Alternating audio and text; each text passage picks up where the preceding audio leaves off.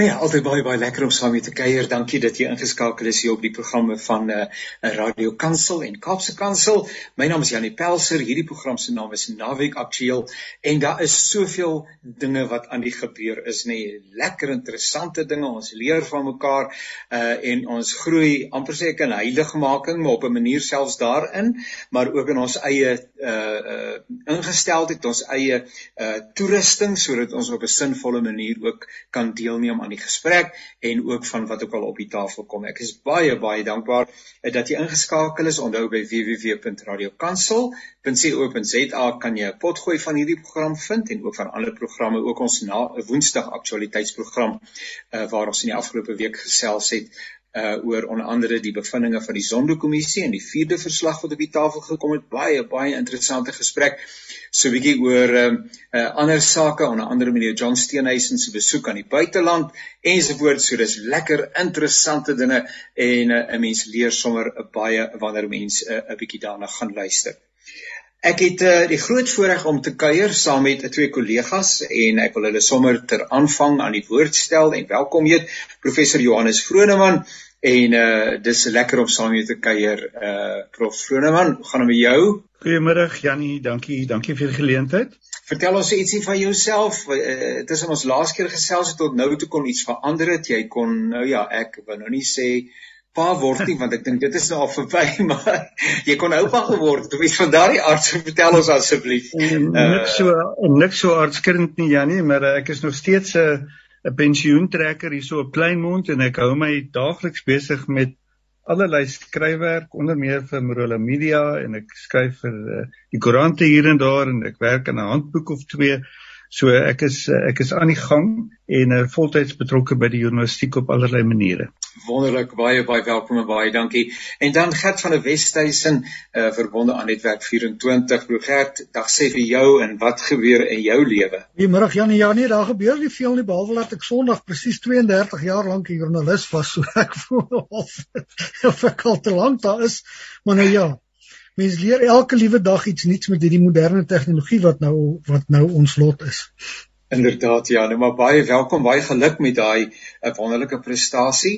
En nou ja, mense is nou te gewoond daaraan om dit te los, nê? Nee, jy weet nie hoe om dit te los nie.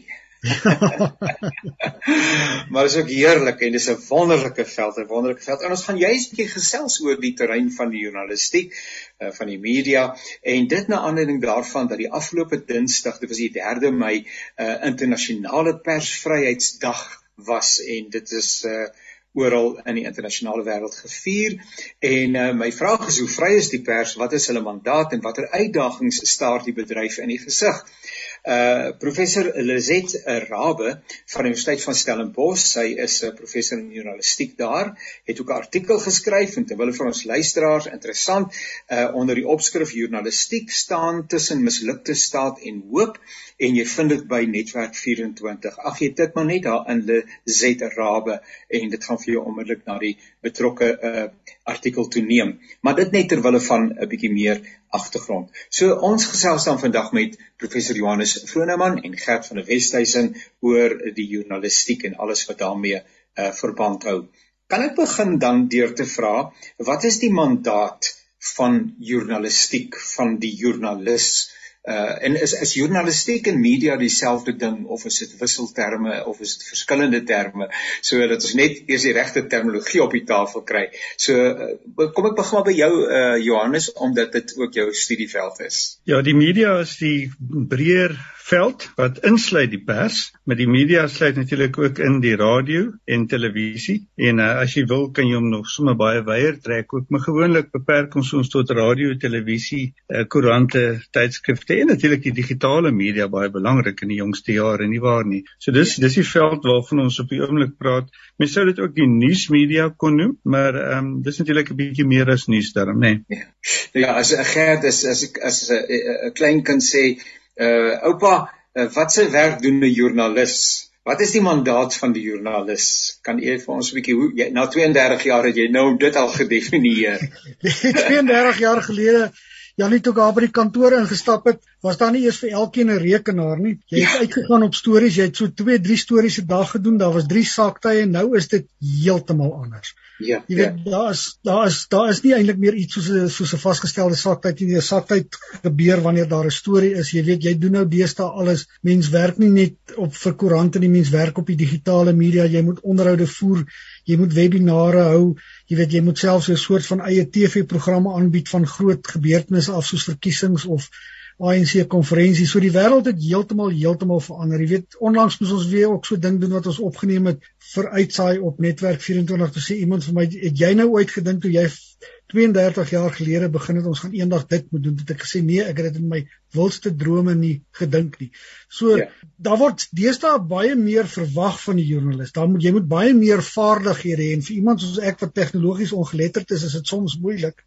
Maar maar 'n mens leer maar so met met die tyd saam van die vaardighede aan wat hopelik jou help om jou werk beter te doen. Nou, nou Gert, eh, ek ek gaan net nog vir jou 'n bietjie vra. Ehm um, uh, in die stories wat mense op televisie sien, gebeur dit nou so al die joernaliste die ontmoet in die oggend rondom 'n uh, tafel en dan is daar nou 'n belangrike man en hy deel die stories uit en hy sê jy gaan dek hierdie storie en jy gaan dek daai storie en uh, dan sien mense hulle later waar hulle voor hulle tikmasjien sit in 'n groot lokaal en dan word daar artikels seker voorgelê en dan later sien jy hoe die koerante hardloop. Hoe hoe loop jou dag uh, as 'n gesoute joernalis, 'n tipiese dag? Ja, kyk, ons het ook in die oggend 'n nuusvergadering wat ons vroeg in die oggend hou hierso rondom 20 oor 9 se kant en dan bespreek ons al die stories, dan kyk ons watter stories gedoen moet word, wat is nie so belangrik nie wat 'n mens eers kan laat een kant toe staan, dan besluit 'n mens wie gaan die stories doen, jy deel die stories uit, jy weet, daar's die verskeie afdelings van die koerant, jy weet jy het sport, jy het nuus, jy het my afdeling wat menings is, dan het jy 'n sake afdeling en jy het die kunste ook, jy weet, so elkeen bring sy aanbod na die tafel toe en dan word daar besluit ja. en dan is daar 'n tuisredakteur wat besluit wat wanneer op die web gaan verskyn. Jy weet hoe belangrik 'n storie nou is.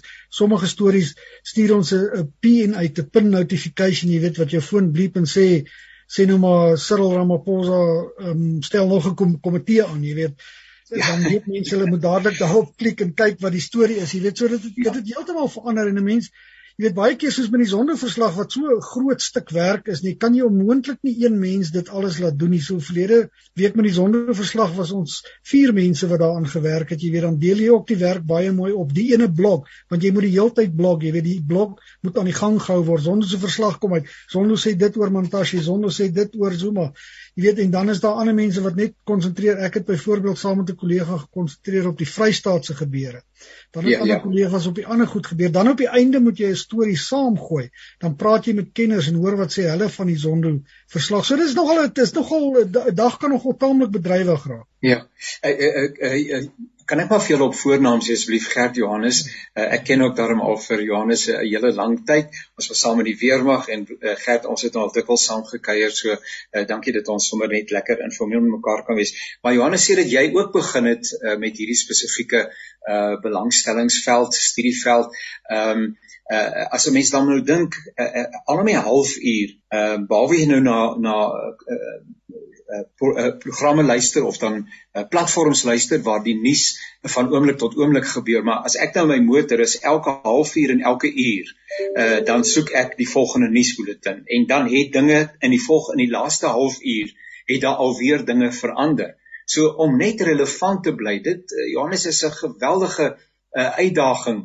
En dit kan ook seker uh, ou soms moedeloos maak want jy het nou net die storie klaar geskryf ek dink nou maar so 'n amateur mens jy het hom nou net klaar geskryf en nou is daar weer nuwe inligting op die tafel of iemand het iewers uh sy uh, sy sy penny uh, ook laat drop. Ja, ja nee, dit dit dit wissel daarom van medium tot medium en verskillende ehm um, as jy byvoorbeeld luister na die radio, ehm um, dit sal nie noodwendig soveel verskil van jou 1 uur nuus sien maar na jou 2 uur nuus of na jou 3 uur nuus toe nie. So ja. dit dit bly dit daar is al 'n heelwat van 'n oorvleeling. Ehm um, dit dit is wel so dat Gert nou ehm um, Gert wat by netwerk 24 is en wat hy nou nie genoem het nie want ek dink dit is so deel van sy lewe nou al dat dit amper nie noemenswaardig is nie. Maar jy weet uh, en ek wil hom nie vir Gert uh, na die kroon steek nie maar ek het uh, uh, ek het uh, uh, Sondag my uh, 44ste jaar in die journalistiek gevier. Ehm uh, jy, jy weet ehm um, in die tyd het dinge inderdaad verander, maar ek dink die kern van die saak is van toe toe sit 'n redaksie van 70 mense by beeld, maar ek dink daar's nou 5. Nou uh, en dieselfde geld by die burger en by by Volksblad. Maar die kern van die saak is dat Netwerk 24 nou soort van 'n groot redaksie dit hulle eintlik daai nuus verskaf dan ook aan hulle noem dit nou maar suster koerante. So die hele struktuur het verander, maar wat wel dieselfde bly, ja nee, want jy praat van die mandaat. Die mandaat van die van die joernalis van die van die nuusmedia uh het dieselfde gebly in die sin dat ons moet 'n uh, relevante tydige nuus uh, na ons gebruikers bring of dit nou op radio, televisie, op die uh, op die internet uh, of in koerante is.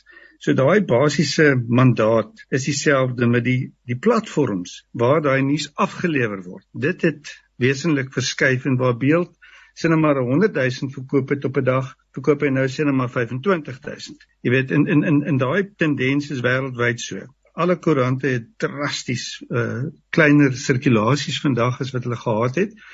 Uh ek wil amper sê 25% sou ek sommer so raai as ek so kyk na die jongste syfers. Maar die feit van die saak is dat mense soek nog steeds nuus, maar hulle soek dit net op ander plekke. En uh, soos uh, Gert ook nou noem van die van die selfoon, baie mense kry hulle hulle nuus uh, op uh, op hulle slimfone. So die behoefte aan nuus is steeds daar. Die behoefte is daar, so die mandaat uh, is dieselfde. Die plek waar dit afgelewer word is verskillend, maar die uitdagings is nou ook weer verskillend, want nou moet jy nou moet jy uh, met nuwe kompetisie, die nuwe mededingers is in die veld en dit alles uh, plaas natuurlik 'n groot druk op op joernaliste. Maar ek sou sê die basiese funksie van inligting uh, die gee van perspektief iets wat Lizet Rabie ook spesifiek na verwys en wat ons net nog in terugkom en die lewer van kommentaar. Dis daai drie basiese funksies. Uh, Partykeer gooi mense sommer 'n bietjie vermaak ook by.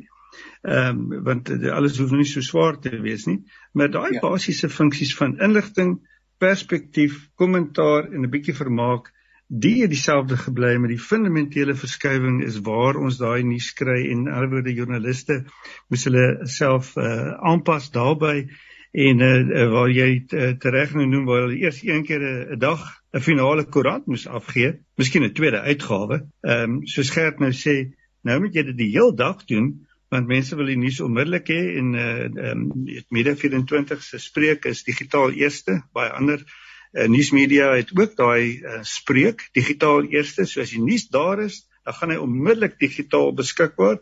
Jy wag nie tot môreoggend toe nie want dan sit al lankal uh, laat. Maar dit dit is natuurlik ook weer 'n nuwe uitdaging want nou wil jy môreoggend 'n koerant hê, maar ehm um, wat gaan nou in daai koerant kom? Is daar nou iets nuuts of uh, is daai koerant nou net vir die ouens wat nie hulle nuus digitaal gekry het nie, maar wat hom nog graag môreoggend op papier wil lees? So daar's 'n hele klomp nuwe uitdagings waarmee joernaliste vandag worstel. As ek dink hoe dat uh, Lukas byvoorbeeld Handelinge uh, aanvoer en hy sê hy het homself voorgenem om vir Theophilus 'n baie betroubare weergawe te gee van hoe uh, byvoorbeeld die Nuwe Testamentiese kerk tot stand gekom het en dis meer dan is die Bybel uh, dan in 'n besondere sin ook maar uh, en nie maar is verkeerde woord maar is ook 'n stuk journalistiek nie waar nie. Ja, absoluut. Ek glo so. Ek glo dit is jy weet in die ou holdergeryde uh, spreek is dat uh, journalistiek is the first draft of history. Ja. So uh, enige mense inderdaad kon sê dat uh, wat die uh, evangelieskrywers mee besig was was 'n vorm van justiek van die die die uh, gapes in journalistiek en die skryf van 'n boek is nie altyd so groot nie en daarom skryf baie joernaliste ook uiteindelik boeke. Ja Janie, ek wil ook hier bykom professor Tula Simpson wat onlangs 'n geskiedenis van Suid-Afrika geskryf het, 'n baie lywige boek, het nogal heelwat van koerante gebruik gemaak. Hy sê want dit is baie lekker want koerante gee vir jou die tydsgees baie ja. goed weer.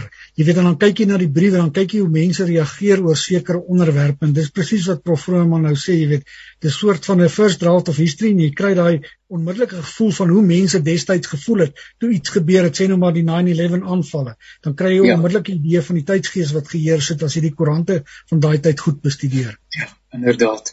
Nou ja, kom ons kom ons gesels. Ja, asseblief. Ekskuus Janie, ek wil net ietsie vinnig daarby gevoeg het en ek wil ons nie op 'n op 'n op 'n syspoor laat beland nie. Maar die interessante ding is die oom, die oomblik as jy persoonlik betrokke is by 'n saak, iets meer weet van 'n saak of, of vir een of ander rede jy regtig nou intieme kennis dra van 'n saak, dan as jy geneig om te na die koerant te lees en dan sê jy, is dit regtig dit wat wat ek van weet? Ehm um, en, en dis nie 'n re refleksie op die koerante se onakkuraatheid nie.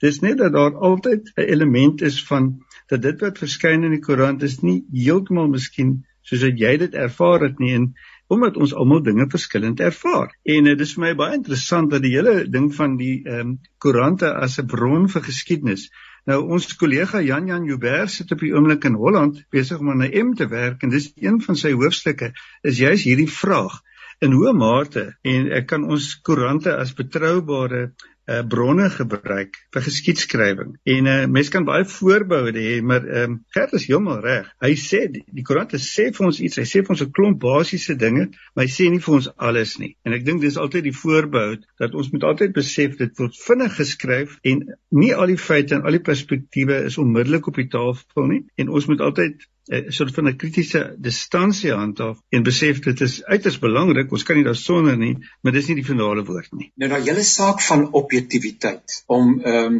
doodgewoon weer te gee wat gebeur het. Ehm um, as ek nou maar dink byvoorbeeld, ek het uh, eh, geluister na meneer Ramaphosa se optrede by die Vrydag Vryheidsdag vieringe uh, in Middelburg en ek het met 'n bepaalde nie ingesteldheid nie maar met 'n bepaalde oorgeluister en met 'n subjektiewe vertrekpunt in die saak af van die saak. Uh, en ek sonder dat ons nou op die detail daarvan ingaan maar ek het dit nie heeltemal so positief ervaar nie. Ehm um, vir my eie redes. Uh toe ek die volgende dag nou die beriggewing lees het ek gewonder hoe kry die joernalis dit reg om doodgewoon feitelik uh oënskynlik objektief weer te gee van wat daar gebeur het en hy het niks van die kritiek wat ek het is daar eers die geringste 'n verwysing na nie. Uh dit moet 'n so gaan dit deur 3 4 5 uh prosesse filters voor totdat dit met ander woorde so objektief as moontlik is gerd. Ja, kyk om te begin met objektiviteit, nee, ek dink dit is heeltemal onmoontlik vir enige mens om heeltemal objektief na 'n saak te kyk want jy bring altyd jou eie verlede, jou eie vooroordeele, jou eie verwagtinge na 'n saak toe. So jy probeer jou bes om objektief te wees. En ek het dit geleer van die begin af van die journalistieke saak het 40 kante. Jy kan nie altyd al 40 kante nader belig nie, maar jy probeer maar so twee kante van nader belig. Jy weet jy so jy jy streef na objektiviteit. Gewoonlik hou jy ook jou kommentaar het ek altyd geleer vir meningsberigte soos rubrieke. Jy sit nie jou kommentaar in jou stories en ek weet daar was 'n ou PAC leier wat altyd as hy my gesien het, want ek gesê, "Ah, oh, the man from Beeld." En dan sê hy hoe lief is hy vir Beeld want Beeld sit nooit kommentaar in stories nie. Jy weet, en ek dink dis nogal belangrik want jy gaan doen baie keer sê nou maar verslag oor 'n politieke organisasie waarmee jy glad nie kan saamstem maar jy maar jy moet tog verslag doen oor wat daar gebeur het. Doen jy dit, ja. dan kan jy later 'n meningsstuk gaan skryf wat sê hoekom jy voorbehoude het oor die organisasie. Maar ek dink dis baie belangrik om vir mense weer te gee wat gebeur op so en jy moet probeer dan om so objektief moontlik te wees. Jy weet Leopold Skols het onlangs 'n baie goeie artikel daarvoor oor vir ons geskryf oor die geval Donald Trump hoe moeilik dit is om objektief oor Donald Trump byvoorbeeld verslag te doen. Want baie mense hang hom eenvoudig aan en ander mense wil niks van hom weet nie. Nou moet jy hier in die middel probeer rondbeweeg. So dis nie altyd baie maklik. Nou ehm uh, uh, luister die programme van Radio Kansel en Kaapse Kansel. Ons gesels 'n bietjie oor die uh, leefwêreld van die joernalis, uh, die mandaat ensovoorts alles wat daarmee saamhang. Uh, deelnemers aan deelnemers aan hierdie programme is professor Johannes Vroneman en Gert van der Westhuizen betrokke by Netwerk 24 al vir 'n leeftyd beide van ons kollegas ensovoorts. Ehm um, ek het vanoggend in 'n ander program 'n bietjie gesels en ag daar is Daar's soveel dinge rondom Suid-Afrika wat mense regtig ontstel en kan ontstel, maar dit lyk vir my ons vaar nie te sleg wanneer dit by journalistieke of media vryheid kom nie. Uh ek sê ek sê miskien daar uit. Ek sien uit 180 lande uh dink ek is ons by plek 31 of 32. Ek moet sê dis omtrent die uitsondering wat wat ander indekse betref, uh, meet ons gewoonlik uh, baie baie sleg in vergelyking met die internasionale wêreld. Ja. Ja Jannie, uh, ons ons vaar nie so sleg soos jy sê as jy vergelyk met van die ander indekse nie. uh die feit van die saak is ons het 'n goeie grondwet en daar is ehm um, daar is natuurlik uh, mediavryheid word uh, in die grondwet uh in die handves van menseregte bepaal. Ehm um, daar's wel sekere uh, voorboude, maar daai voorboude is uh is ook verstaanbaar. Jy weet soos jy mag nou nie mense aanmoedig om geweld te pleeg nie, jy weet. So ja, ja seker dinge wat jy nie mag doen nie in die media nie. Maar uh oor die algemeen dink ek uh, stem ons saam dat dit 'n baie uh, goeie uh, um, aspek van ons grondwet is. Die uh interessante ding is dat uh met hierdie um mediavryheidsdag of persvryheidsdag is daar 'n verklaring uitgereik deur 'n klompie uh, media organisasies hier in Suid-Afrika insluitende SANEF, dis die Suid-Afrikaanse Nasionale Redakteursforum. Ehm um, en hulle het uh, hulle is bekommerd. Hulle sê die polisie en politici ehm um, toenemend uh, fisieke en mondelinge aanvalle op media mense loods. Ehm um, en uh, so hulle sê dit kom wel voor.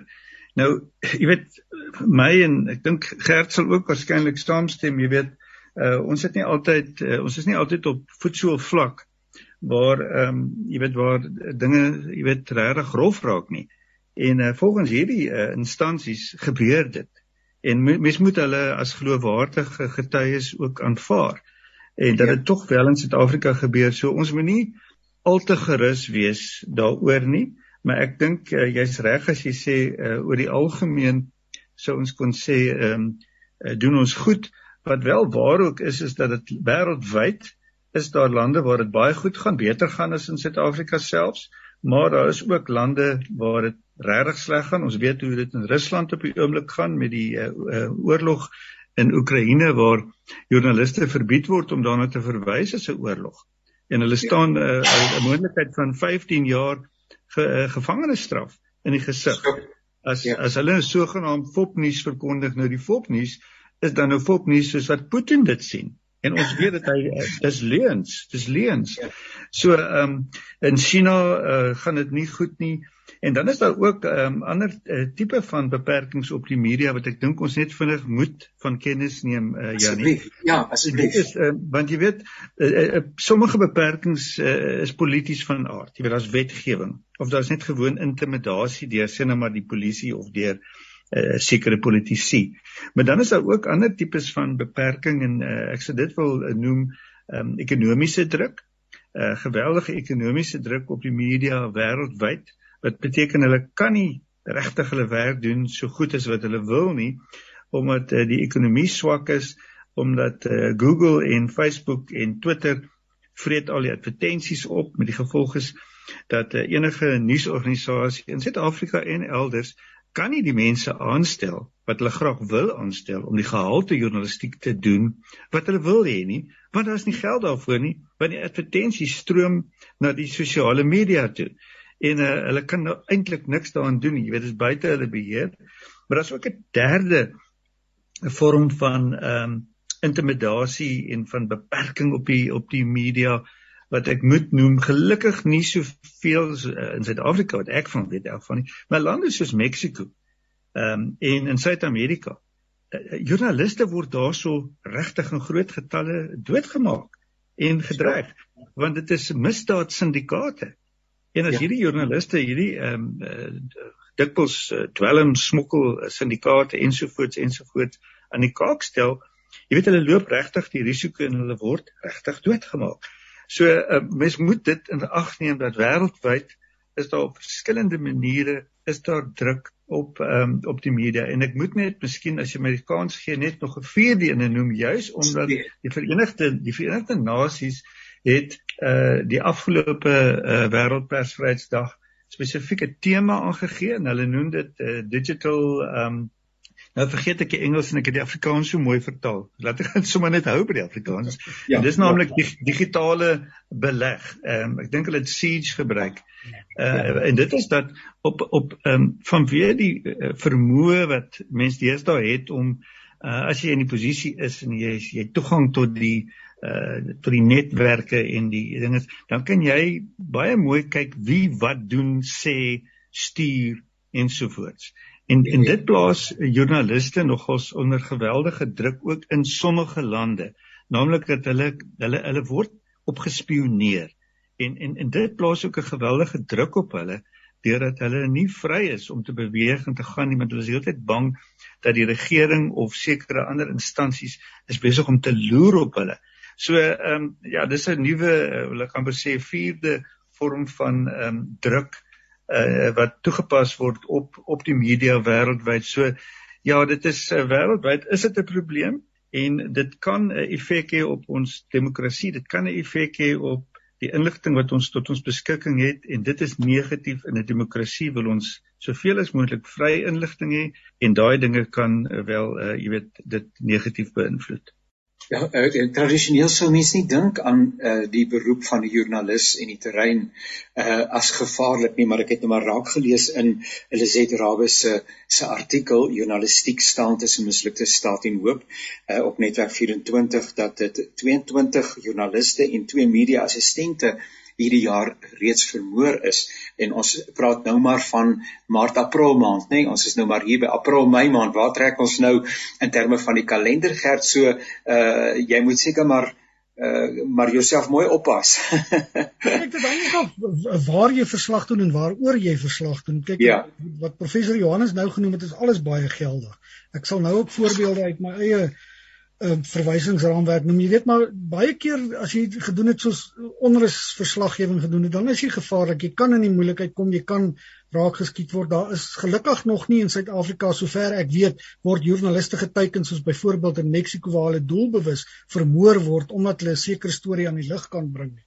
Jy ja, weet so ja. dit is dit is baie moeilik maar jy weet ongelukkig is daar ook deesdae ander beperkings op joernaliste hier by ons. Byvoorbeeld, daar's 'n groot wantroue tussen die regering en die media.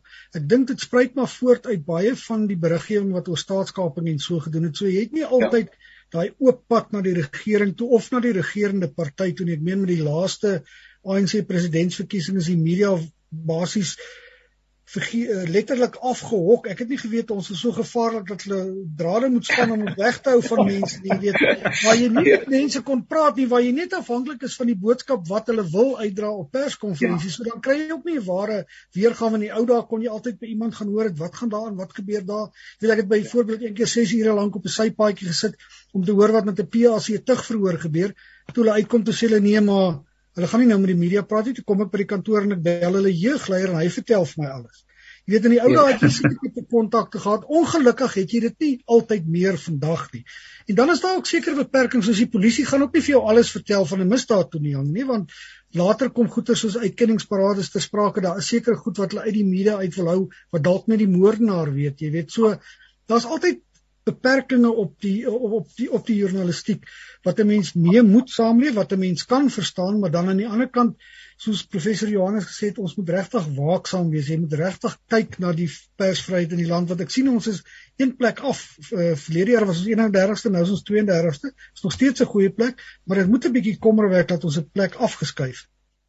Ek ek ek, dink toe maar net aan 'n gesprek wat ek vroeër gehad het uh, wat in perspektief uitgesaai is waar iemand die opmerking gemaak het verwysend na die gebeure in Rustenburg en ons staatspresident wat daar 'n bloutjie geloop het en toe moes vertrek het en hoe dit daartoe op aandnuus uh, 'n dag later of so hierdie hele saak uh, so geplooi is dat dit die regerende party 100% kies. Nou is dit 'n winspunt dat in Suid-Afrika demokrasie so hoog staan dat mense selfs by openbare byeenkomste soos hierdie 'n ja. uh, vryheid van spraak het.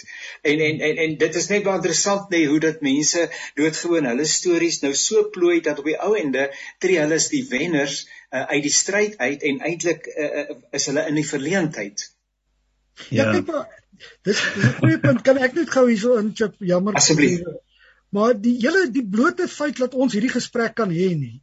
Ja. Wys vir ons hoeveel vryheid van spraak ons het want in baie ander ja. lande sal jy nie toegelaat word om so 'n gesprek te hê oor die vryheid van die media waar jy die regering kan kritiseer, waar jy ander instansies kan kritiseer en jy saai dit op openbare platform uit nie. So in daai opsig is ons nog baie bevoordeel.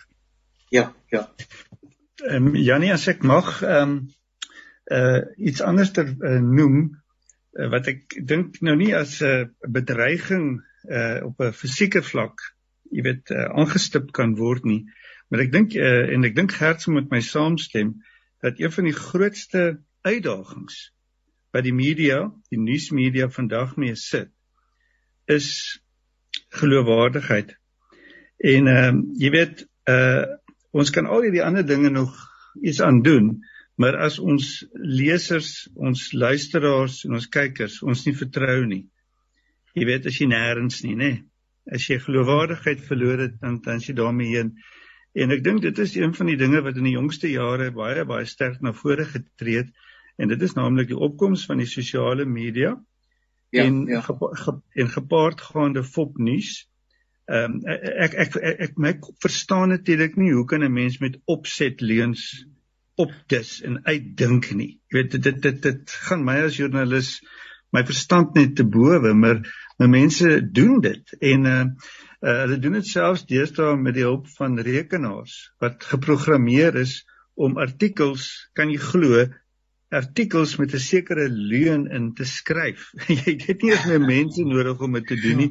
Die ja, ja. rekenaars doen dit en hulle produseer hierdie goed en hulle kan dit produseer teen duisende elke elke dag en na miljoene en miljoene mense toe uitstuur. So die uitdaging wat en wat die hoofstroom media het vandag uh, is om sy geloofwaardigheid te bou en die hoofstroom media het 'n vir sommige mense 'n skelwoord geword geword. En um, ek dink dis geweldig gevaarlik want wat die um, koerante en die uh, groot uh, nuus uh webblaaie uh, ek praat nou van Netwerk 24, News24, Marula Media en ander ek praat nou in Suid-Afrikaanse konteks. Jy weet ja. daar daar's professionele joernaliste wat regtig hulle bes doen om die beste moontlike feite so vinnig as moontlik te kry by hulle gebruikers. Uh, Daar's hier en daar uitsonderings gewees in die jongste jare waar mense deur Gupta geld omgekoop is om leuns te versprei. Hulle is uitgevang. Die Sunday Times het om verskoning gevra daarvoor. Uh ons weet dit, want dit was uitsonderings. Dis nie die normale nie. Maar tog is daar 'n groeiende gevoel by mense wat hulle ore uitleen aan allerlei sosiale media platforms en dan glo hulle die verskriklikste dinge uh en hulle glo dit graag. En dan sê hulle ek wil niks meer weet van van daai ouens nie. Jy weet, nou, jy weet dis 'n geweldige uitdaging uh, want as ons as ons nie meer mekaar op 'n basiese vlak kan glo oor sekere basiese feite nie. Uh hoe praat ons met mekaar? Hoe weet jy jy daar's nie meer wat is die basis waarop jy 'n gesprek voer as alles wat jy sê sê die ou vir jou ja maar jy kry dit in die hoofstroom media en dis maar nonsens. En jy ontken net alle en, en almal het hulle bewyse en hulle het al hulle uh, hulle sê vir jou stringe bewyse gee. En daai bewyse is baie moeilik om uh, om teen te praat want dit jy word oorspoel daardeur. So die die uh, dit geweldige uitdaging wat Gert hulle uh, mee te kamp het en ek sal graag hoor wat uh, wat sy uh, gevoel daaroor is. Ja, dis 'n verskriklike groot uh, uitdaging professor Johannes. Dit dit dit raak eintlik al hoe erger soos uh, daar dit het in Amerika het duidelik gebleik hoe sosiale media die hoofstroom media ondergrawe. Dit gebeur in 'n mate hier by ons ook. Dit neem veral toe in tye soos wat ons nou gehad het met die COVID-19 pandemie met die onluste in KwaZulu-Natal, dan's daar groot onsekerheid by mense. Dan's hulle geneig om enigiets te glo. Veral 'n samesweringsteorie. Daar's dan vir my skoolvriende wat vir my stuur dan sê hulle, "Wat dink jy hiervan?" Dan sê ek, "Maar waar het jy dit gehoor? Wie het dit gesê? Wanneer het hy dit gesê? Kan jy bevestig dat iemand dit gesê het?" Jy weet, mense steur hulle nie aan sulke goed in sulke tye nie. Hulle aanvaar maar net die, die goed wat vir hulle aangestuur word is die waarheid. Dan kry jy ook natuurlik baie keer mense wat nie met die hoofstroom media wat reken die hoofstroom media sogenaamd te liberaal dan het hulle hulle eie media op uh, op op op op op ehm um, sosiale media, jy weet, ou het 'n bakkie en 'n selfoon soos een van my kollegas gesê, dan dink hy hy's 'n joernalis, dan bied hy die ding ook maar net uit sy hoek uit aan weer en dan on, dan pas dit hom eintlik in die hoofstroom media te ondergraaf Want dis uh, wat is professor ja, dis Charles Smith vir die Volksblad wat gesê het ek moet net daar erkenning gee waar erkenning toe kom. Wat gee dit self vir? Dis sê dit is dit is geweldig moeilik om deesdae onderskeid te tref tussen waarheid en ons doen regtig baie moeite. Mense doen baie baie moeite om goed te verifieer. Soms ja. maak die media nog foute. Jy weet maar daar's nie blaatante goed soos die tienling wat ons onlangs gesien het die geboorte ja. Sogenaamde geboorte van die tienling nie en die feit dat die koerant nou regtig aanhou en sê dis nog steeds die waarheid ondanks al die teendeel wat bewys is, jy weet dit ondergrawe ook ongelukkig die geloofwaardigheid van die media. Sulke goed en soos professor Johannes genoem het van die Sunday Times en die Suid-Afrikaanse Inkomste Diens en die sogenaamde Rogue Unit van daai stories wil nog steeds nie weggaan nie. Ja. ja. Uh, Jannie, ehm um, die uh, belangrike ding natuurlik is dat ehm um, daar's 'n ander faset wat nou saamloop met die ehm um, like om te sê die wantroue wat sommige mense het. Nou ek wil uh, ek wil opkom vir vir Gert hulle uh want hy kan dit nie self doen nie. En wil ek sê dat uh ho hoewel dit so is dat heelwat minder mense koerante koop. Jy weet fisies koop. En ja. ek is een van hulle en ek het altyd gesê ek is die laaste ou wat nog 'n koerant gaan koop en hierso sit ek om die storie te vertel dat ek dit baie selde deesdae doen. Maar ek ja. lees elke dag die koerante op die skerm en waar sê ek lees sommer al drie die Afrikaanse koerante want ek vind dit fascinerend dat elkeen ietsie anderste in het uh wat ehm um, ja, wat die ander nou nie het nie. Maar die ja, die ja. feit van die saak is dat uh, Netwerk 24 het ek weet die gers my kan korrigeer, maar kom ons sê in die omgewing van sê net maar 100 000 intekenare en ehm um, mense met daai getalle daarom nou nie uit die oog uit verloor nie. Met ander woorde, dis nie asof uh, eh, 75% van koerantlesers nou verdwyn het nie. Uh dit is ongelukkig ook so en ons moet daai realiteit in die oë kyk dat uh, heelwat mense het weggegaan, oor see gegaan. Daai koerantlesers wat oor see gegaan het uh honderde duisende van hulle en dit is 'n realiteit maar ek dink ons moet besef dat uh mense lees dit op ander platforms met die die die die punt wat uh, wat wat my wat ek eintlik wil opper uh, Janie as ek mag en dit is ehm um, die die soeke na konstruktiewe nuus en dit is waarna Lizet Rabie verwys het en sy het gesê ehm um, moet ons nie miskien 'n bietjie meer kyk na konstruktiewe nuus nie. Nou dis 'n baie ou debat die sogenaamde sonskyn journalistiek debat uh waar ehm um, harde joernaliste sal sê ons is nie daar om sonskyn journalistiek te pleeg nie. Ons gee die feite. En ja. dit is natuurlik ook waar en ek dink niemand wat ernstig is oor journalistiek wil hê dat die ehm um, joernaliste moet net ehm um, uh, net goeie nuus plaas nie want dan het die journalistiek geen geloofwaardigheid meer nie want ons weet daar's baie dinge wat skeefloop en wat verkeerd is en waaroor berig moet word. Maar ek, ek dink die punt wat Lizet maak en ek is 100% eens met haar daaroor. Ek is al baie jare 'n voorstander daarvan dat ons ehm um, moet met met opset uh, ook baie meer konstruktief wees uh in wat mense uh, oor berig. En in ander woorde dat jy moet ook soek na oplossings. Nie dat die joernaliste die oplossings moet uitdink nie, maar ook soek na mense wat konstruktief uh, sal praat en skryf daaroor en, uh, en en en dat daar hoop gegee word aan ons mense want mense uh, verloor moed. En ek dink persoonlik dat mense mense sê vir my dis nou anekdoties maar dis wat mense vir my sê as hulle, hulle kan nie meer sekere goed en dis nie net die koerante nie dis op radio ook ek kan net nie meer sekere slegte nuus hanteer nie net nie meer nie asseblief nie hulle sê hulle kan nie. En ek dink mens moet ook luister daarna. Dis ehm um, ons moet konstruktiewe, positiewe, opbouende oplossings ook gee en ook op daai organisasies wat besig is met die konstruktiewe dinge. Wat sê ja, dis verkeerd, maar hier ons doen hierdie dinge. En ek dink dit is 'n is 'n uitdaging want die natuurlike aard van joernaliste is om te soek na waar dinge skeefloop.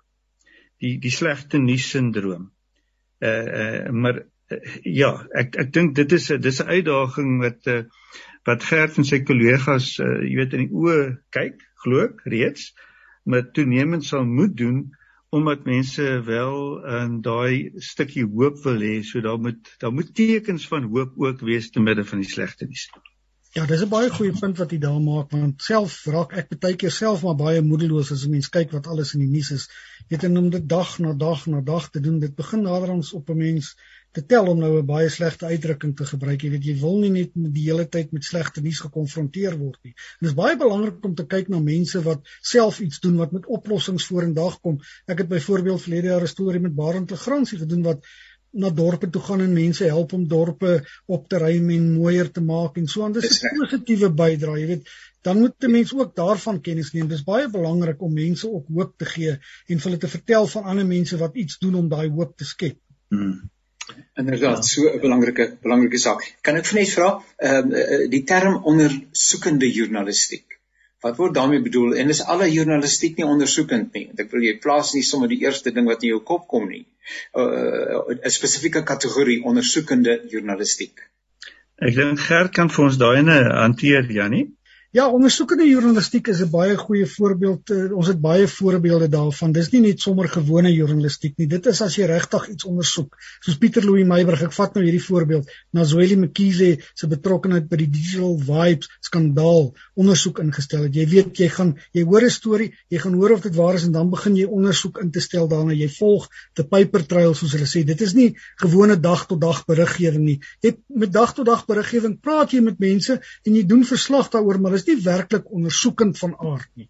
Jy weet 'n ondersoekende journalistiek neem baie tyd en dikwels geld ook in beslag want jy moet bereid wees om daai joernalis vir 'n week of maande af te staan om na goeders ondersoek te doen. Jy weet so Jacques Pau se boek oor die ehm um, mense rondom president Zuma wat hom wat alles moontlik gedoen het om hom uit die tronk uit te hou. Soos jy weet daar was die die die die Gupta leaks van mense die e-posse gekry het en ondersoek ja. daarna gaan instel het. Sê nou maar om 'n simpel voorbeeld te gebruik, sê nou maar die e-posse kom vandag hier en dan gaan ons net berig daaroor en sê daar het soveel e-posse uitgekom, maar ondersoek in die journalistiek gaan grawe dieper. Wie die e-pos gestuur, wanneer, wat het daai e-pos bedoel, wat het gebeur na die e-pos? Jy weet, so dit is dis baie soos 'n so speurwerk, dis baie soos 'n speurder se werk. Jy weet, ja, ja. nie word die moord gepleeg, nou gaan soek jy na wie die moordenaar is en jy volg alle leidrade op en jy doen soveel moontlik om tot die regte gevolgtrekking te kom. Want jy kan nie hmm. op baie keer mistas soos gebeur het met die Rogue Unit storie jy weet daar's nie behoorlik ondersoek daarna gedoen nie. Mense is verkeerde inligting gevoer. Jy weet en dis ook baie gevaarlik want daar's baie mense wat jou graag met verkeerde inligting voer. So jy moet dit ook deeglik ondersoek en kyk of dit waar is. Ja. Is dit Janie ja. Uh, ekskuus Janie jy's natuurlik jy's natuurlik reg as jy sê dat 'n uh, eh, Ja, is alle journalistiek nie ondersoekend nie en ek dink Gert het dit so half verduidelik. Ek dink dit gaan oor die die die die die die, die lengte van tyd, nê, nee, nee Gert. En, ja. en en soos jy reg sê, jy weet dit is dis dis duur. Want jy moet hou afsonder nou daai as jy daai joernalis vat en jy sit hom nou daar, dan kan hy dalk twee stories 'n dag vir jou lewer. En maar nou sê jy vir hom nee, jy gaan nie nou in die loop van die week vir my 10 stories doen nie. Ehm um, jy gaan my waarheid sê vir 3 weke niks doen nie. Jy gaan nie niks doen nie, jy maar jy gaan jy gaan nie skryf nie, want jy gaan uiteindelik die groot storie doen. En die feit van die saak is net die nuusmedia in Suid-Afrika het doodgewoon hierdie geld om mense af te sonder om dit te doen. Nou sal mense vra maar waar kom hierdie ouens dan tog nou in? En uh, dit is nou waar uh, eh, sekere um, instansies uh, geld dan nou gee en dit borg en uh, en daarvan uh, um, ook oorsee se geld uh kom daar ook geld in en dan uh, word word joernaliste in staat gestel maar jou gewone nuusmedia het doodgewoon nie die kontantvloei om mense in, in staat te stel. Nie waar nie gerd om dit te ja, doen? dis baie waar. Gelukkig is daar mense wat dit borg by ons het ons byvoorbeeld die waarheid eerste gehad wat ons het eh, nogal taamlik stories gedoen oor die waterprobleme in Suid-Afrika mm. waar, waarby ek nou persoonlik betrokke was en dan het ander instansies soos, soos Aman Bongani daar is mense wat hulle opborg en hulle kan mense afstaan om lank ondersoek na 'n storie in te stel. Maar dis baie mm. waar wat wat professor Johannes sê want nou het jy net 10 verslaggewers nou kan jy nie een sommer net wegvat as jy nie die borge of die die uh, bronne daarvoor het en om afstaan en 'n ondersoekende storie wat 3 maande gaan duur want dan kan hy nie vir jou daai twee stories 'n dag lewer nie. Ja, miskien net om baie belangrike. Ja, ekskuus Janie. Praat, praat, praat, ja. Nee, eh, eh, jammer Janie, eh, nee, dit dit dit is 'n ander dimensie. Jy weet in die, in die verlede, jy weet koerante en en ander nuusmedia, maar veral koerante het uh, letterlik deur die eeue. Jy weet in Suid-Afrika nou die afgelope 222 jaar bestaan omdat daar advertensies is. Hmm. Uh, ja, mense betaal 'n omslagprys, maar advertensies het het ons media tot 'n groot mate gedra oor 2 eeue. Ehm um, nou soos ons net nou na verwys het, jy weet, lyk die ekonomie baie slegter en ehm um, daar is nie waarheen gaan jy nou? Waarheen gaan jy nou? Want eers het jy 100 000 koerante verkoop, nou verkoop jy net 25 000, maar jou produksiekoste is nog wesentlik dieselfde. Jy het nog steeds rolpers wat moet hardloop ensovoorts ensovoorts. So jou eenheidsprys het in die proses duurder geword. Uh, ekonomies maak is dit baie baie problematies. Maar uh, nou het daar 'n nuwe ding na vore getree en dit is inderdaad die die die ding van borgskappe ehm um, en ook die ondersteuning van 'n uh, sekere ehm um, selfs ehm um, nuusweblaaie en uh, en ook intekengeld uh, ja inderdaad maar dan ook donasies. En dis 'n baie belangrike en interessante verskynsel in die jongste jare. Ek dink nou aan die Daily Maverick byvoorbeeld en daar's ander ook waar mense waar mense gevra word, jy weet, uh, skenk elke maand R50 of R100 of wat ook al en uiteindelik is daar genoeg geld Want een ding wat mense moet besef, mense stel baie hoë standaarde vir die journalistiek. En dis goed en dis reg. Maar is mense bereid om te betaal? En ek dink nie so ja.